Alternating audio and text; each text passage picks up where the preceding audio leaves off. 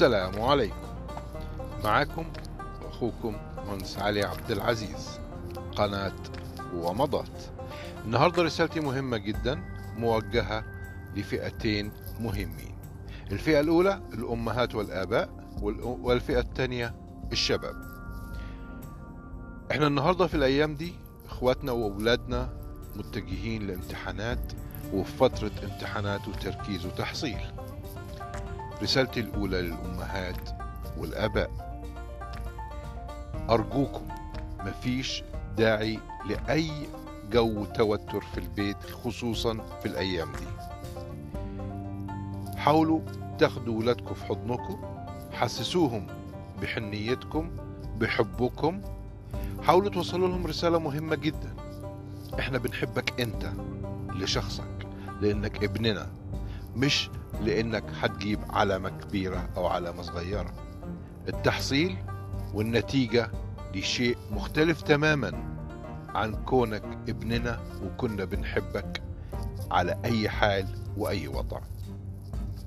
حاولوا تدوهم ثقة في نفسهم شوية.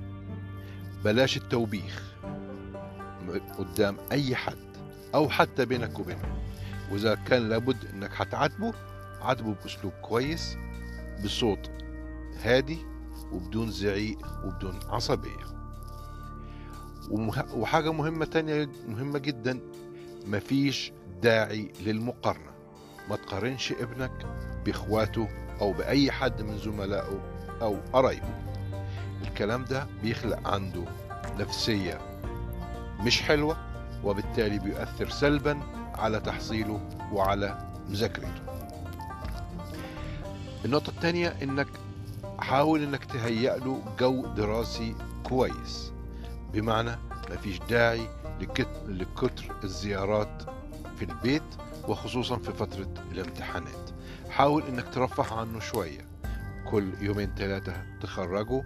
حاول إنك مثلا وهو قاعد بيتذاكر تجيب له حاجة هو بيحبها كمأكولات أو مشروبات. حاول إنك تحسسه إنه هو ذا قيمة كإنسان كابنك. حاول توصل له رسالة مهمة جدا كمان إنه الدراسة والتحصيل دي مسؤوليته هو.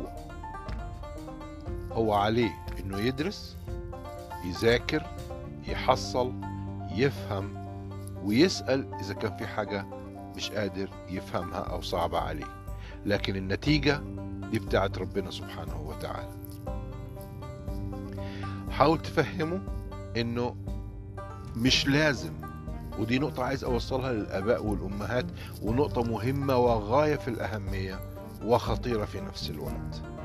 مش لازم عشان أنا مهندس يبقى ابني يطلع مهندس. مش عشان مش عشان أنا دكتور يبقى ابني لازم يطلع دكتور.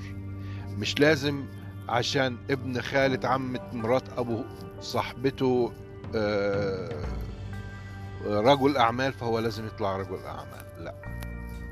خليه هو يطلع الحاجة اللي هو عايزها. سؤال ليكوا كآباء وأمهات. إمتى قعدت مع ابنك أو مع بنتك ودردشت كده معاه دردشة عادية؟ بصوت هادي بقلب مفتوح بحنان وحب واحتواء وسألته نفسك تبقى إيه؟ عايز تبقى إيه؟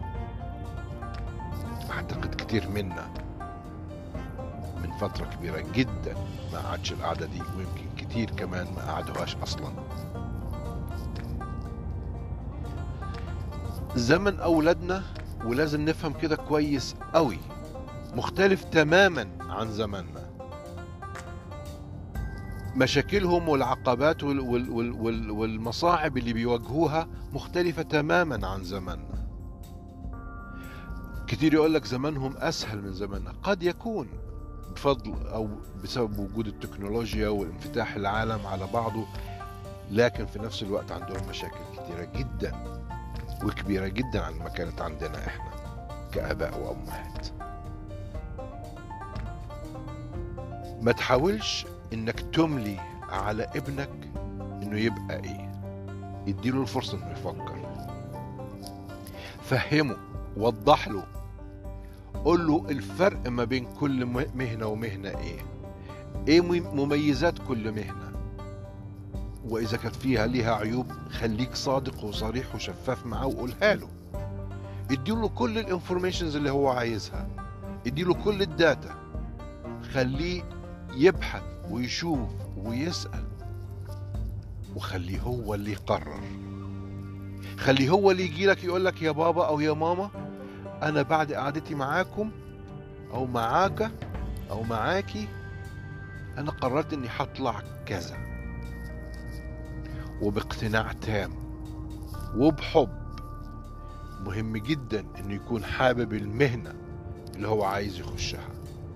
لأنه لو ما حبهاش مش هيبدع فيها. وهيفضل زي ما كتير مننا. أسير. مش عايز أقول عبد بس أسير الوظيفة والسلم الوظيفي. الوظيفة على أيامنا وأيام أبائنا يمكن كان هي الملاذ أو هي الأساس أو هي الوحيدة المتاحة. لكن النهاردة في حاجات كتير جدا متاحة غير الوظيفة. وأهم الحاجات دي علموا ولادكم الكلام ده وحثوهم وشجعوهم على الكلام ده. انه يكون هو صاحب العمل الخاص بتاعه. ممكن أبدأ في وظيفة لفترة معينة أكون محددها من البداية ومخطط للكلام ده كله. صدقوني يا جماعة كلمة السر لنجاح سواء أي شخص وخصوصا اولادنا سواء في امتحاناتهم أو في الكارير بتاعهم هي كلمة التخطيط. لو ما خططناش سنكون ضمن خطط الآخرين. يحطونا في المكان اللي هم عايزينه. طب ليه؟ إحنا قدامنا فرصة نقعد مع بعض نتكلم مع بعض نخطط مع بعض نشوف مصلحتنا فين وهنقدر نبدع وندي ونكبر فين وفي أي كارير وفي أي مهنة. نقطة تانية مهمة عايز أوصلها لكم يا جماعة الدكتور عمره ما هينجح ولا هيكبر ولا هيتشهر لو ما كانش معاه ممرض ماهر بيساعده وبيخدم عليه. المهندس مش هيكون مهندس ناجح وكبير وعامل مشاريع كبيرة والكلام ده كله من غير الملاحظين أو المراقبين اللي معاه والعمال اللي معاه والفنيين اللي معاه. الحياة مش كلها شهادات كبيرة. لازم نفهم ونفهم لازم نفهم ولادنا الكلام ده. وعلى فكرة ده أحد أسباب وأحد أهم أسباب تطور ونجاح الغرب. إنه مش لازم الكل يبقى مهندس والكل يبقى دكتور والكل يبقى محامي وهلم جر لا. في ناس شهادتها متوسطة لكن عقليتها فذة ومبدعة وكبيرة. ودخلهم أحسن من أحسن دكتور ومن أحسن مهندس. لازم نفهم ونعلم ولادنا إحنا عايزين نخش المجال ده ليه؟ هل من أجل العائد المادي فقط أم من أجل إنه المجال ده كويس وحلو وأنا حبه وعايزه ولا الاتنين مع بعض ولا الاسباب أخرى. اقعدوا مع أولادكم يا جماعة. اقعدوا معاهم وخصوصا في الأوقات دي. حبوهم. حبوهم لشخصهم. على الأقل يا سادة حبوهم لأنهم شايلين اسمكم. هم اللي هيمثلوكوا بكرة. بعد عمر طويل يقال أو يتقال على ابنك هذا الشبل من ذاك الأسد ولا حاجة تانية؟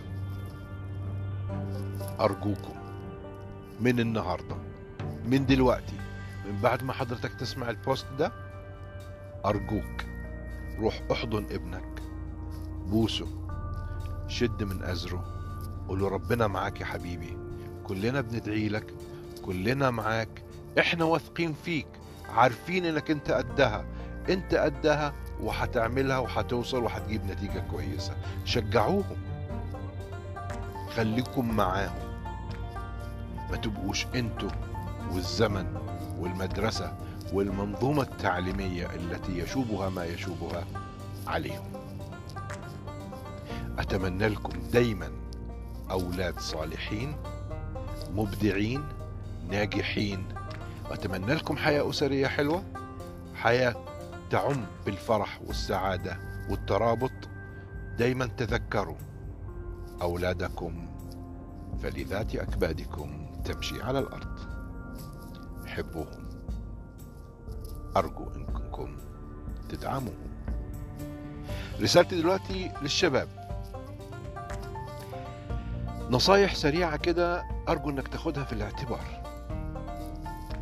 ركز وانت بتذاكر. حاول تحط جنبك قلم وورقة تكتب الكلام اللي انت بتقرأه أو اللي انت بتذاكره وتلخص الصفحة في ثلاث خمس نقاط بالكتير.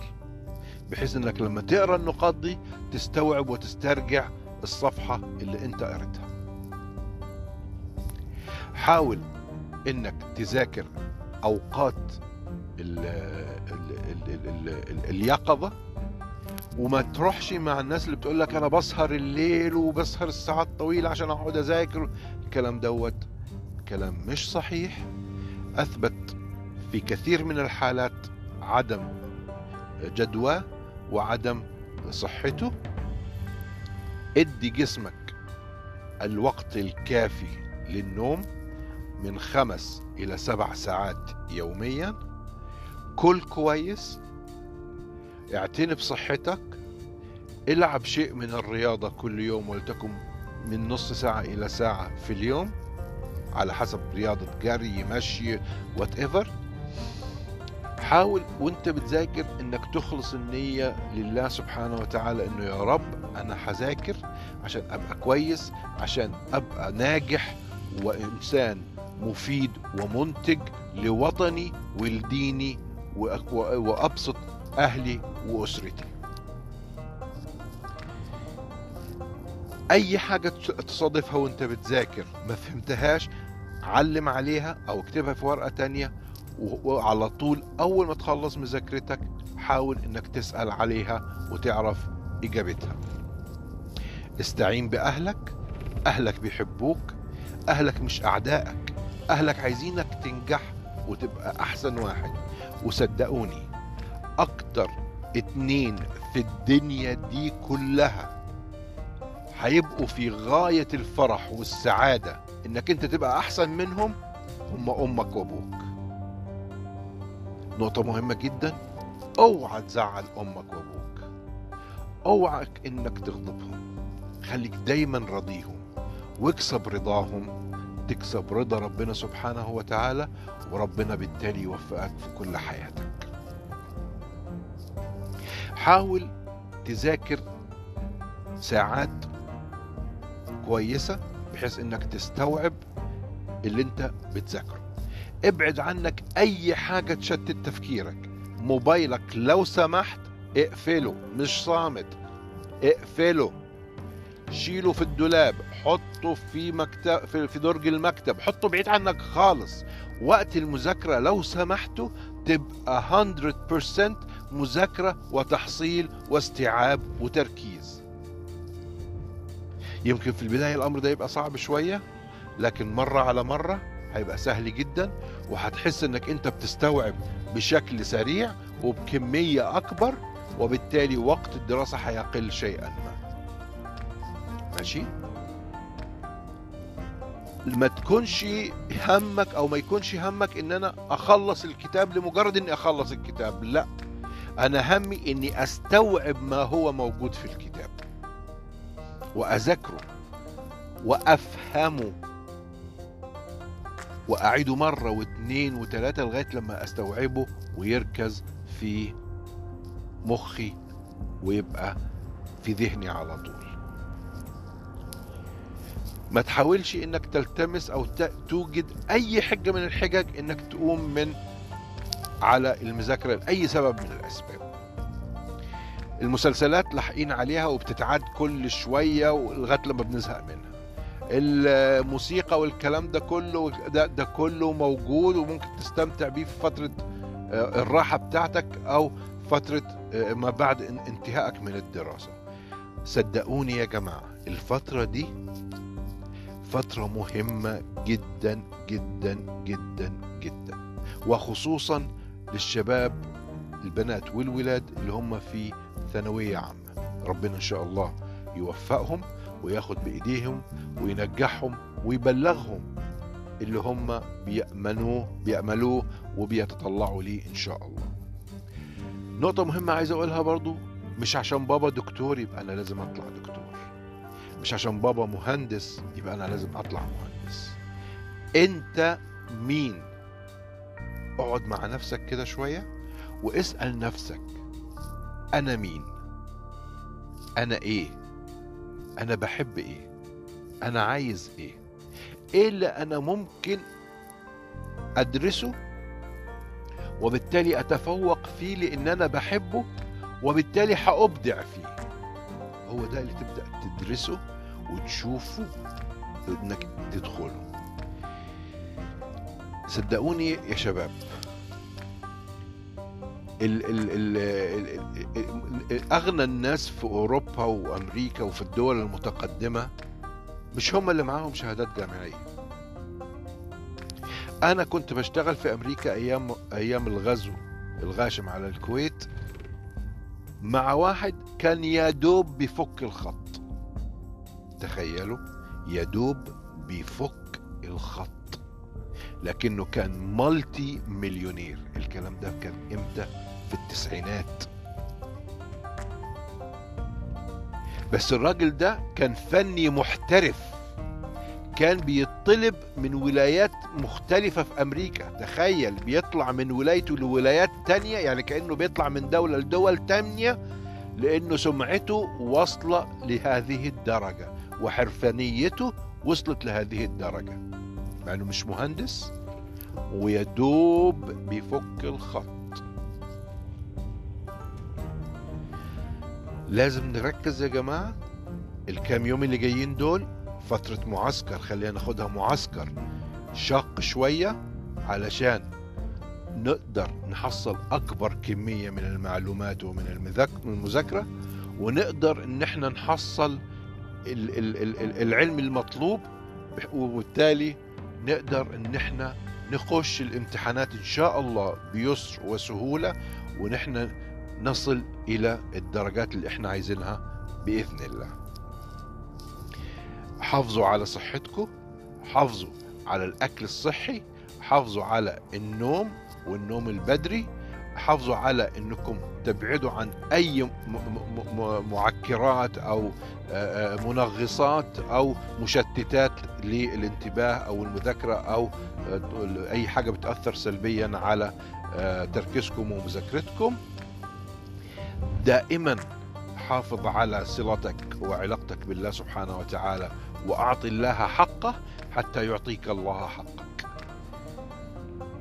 دائما أسعى إلى رضاء والديك ودائما كن مؤدبا وخلوقا معهم ومع غيرهم. دي كلمات سريعة نصائح مني لإخواتي وأولادنا الطلبة وأتمنى الله سبحانه وتعالى أن يكلل مساعي الجميع بالنجاح والسعادة والتفوق وأن يحققوا ما يأملونه إن شاء الله. إذا عجبك البوست رجاء انشره في جروباتك وللناس اللي أنت شايفهم إنهم ممكن يستفيدوا منه وتابعني على طول. وإذا عندك مواضيع حاببني إني أطرحها أرجو إنك تبعتها لي ويكون في بيننا تواصل ويسعدني إني أسمع آرائكم. في هذا البوست. ربنا إن شاء الله يكون مع أولادنا في امتحاناتهم ومع أسرهم في هذه الفترة وما يضيعش مجهود حد على الفاضي بإذن الله ونسعد وبسماع نجاح الجميع ووصوله إلى ما آه، يصبو إليه إن شاء الله. آه، إذا كان عندك آه، حاجة عايز تستفسر عنها أو إنك عايز تعرف إزاي تختار الكارير بتاعك أو عايز أي استشارة في مجال تحديد الكارير أو التخصص اللي عايز تخشه أو أي استشارة حاببها أنا موجود. راسلني على الخاص وإن شاء الله نكون مع بعض ونتوصل لأفضل الطرق.